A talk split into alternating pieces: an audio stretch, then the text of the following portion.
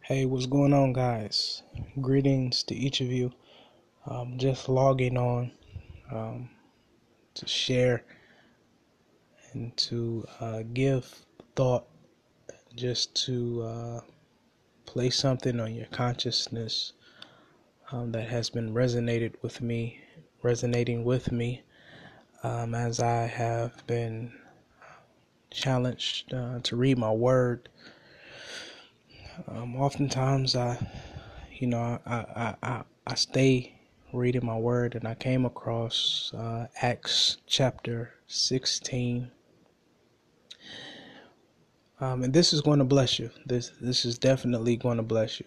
Um, Paul and Silas are on a missionary journey where they are being faithful and they are carrying out the gospel and they're going to and from doing what they're supposed to do, being obedient to God. They go to um, Derbe and they are introduced to a young man who will later become Paul's uh, prototype, his son in the ministry. They go um, to different places and they're laying hands and they're preaching and just being obedient. Um, but there's a verse within Acts chapter 16 that says um, that after they encounter a demon possessed individual, they cast the demon out, and the people who were manipulating the young girl, um, they ended up putting stripes. They laid their hands, they beat Paul and Silas. And this is where I just want to pull the subject, my subject out of to say that after Paul and Silas were found guilty of being obedient to God and doing everything God told them to do, they still ended up with wounds. How do you handle life when you have done what you're supposed to do, been a good friend, um, you know, lived a, a somewhat right life. You're not righteous because all of us are perfect, all of us fall short. Um, but you have done your due diligence to be a good, good, good individual. You've you, have you have made efforts to right your wrongs. You you you you've served and you have been just an upstanding individual as it relates to when you look at how you used to be and the things that you used to do the things that you used to say. You no longer um, say those things anymore but you have been doing all that you could do to work out your character. And you still end up like paul and silas. Wounded that challenged my consciousness, that challenged my train of thought because oftentimes we think that you know bad things are just supposed to happen to bad people. But even when you are on assignment by God even when you are in ministry and uh, and and some people can relate in life that you have did what you're supposed to do you you you did your job. You get the, the roles and responsibilities have played out, have been given to you, and and you've done your roles and responsibility, fulfilled them to the best, um, to your best ability, and you still end up with wounds. How do you manage? How do you wrap your mind around being a, a good individual, but still getting the short end of the stick? How do you maneuver in life when there's the possibility of still being wounded?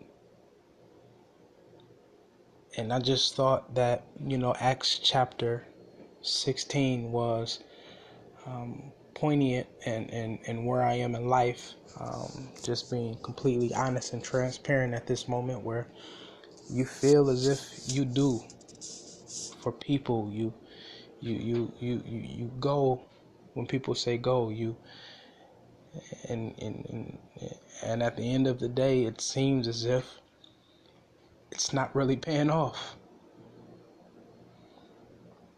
So how do you grapple?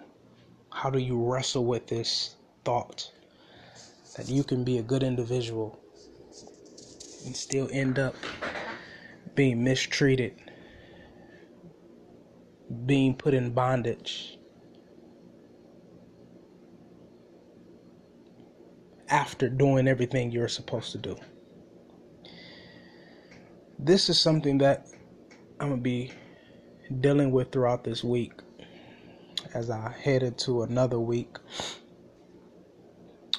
um, of service, of, um, you know, being kind hearted. Um, I'm, I'm glad that the Spirit laid this scripture on my heart because I need this at this time. And I don't, I'm not going to act as if I have the answers. How do you get through? I don't have the answers, but all I can say is um, I'm going to wrestle with this. I'm going to allow this to marinate within my spirit and see what what what what God says concerning this. Because I think it's unfair. Honestly, I think it's unfair.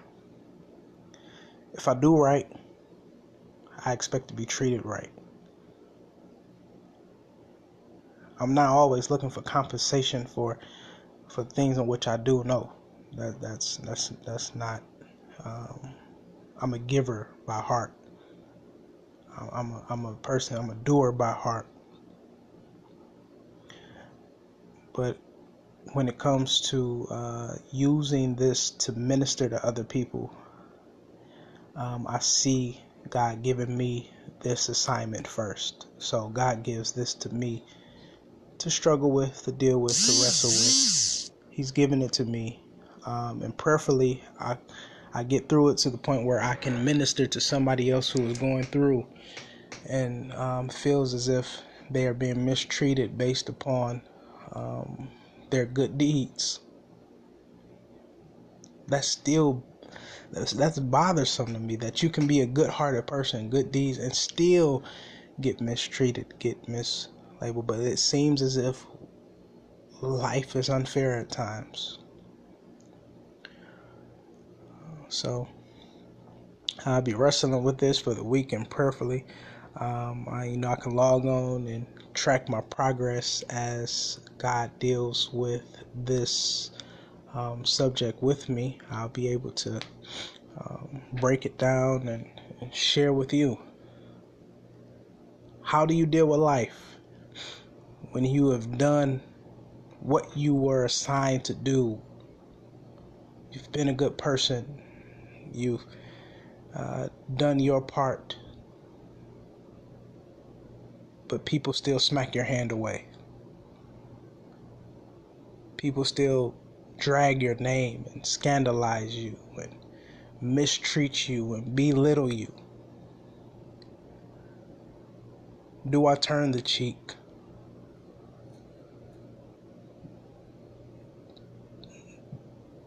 do I act as a doormat and let people walk all over me? Do I rise up and fight back?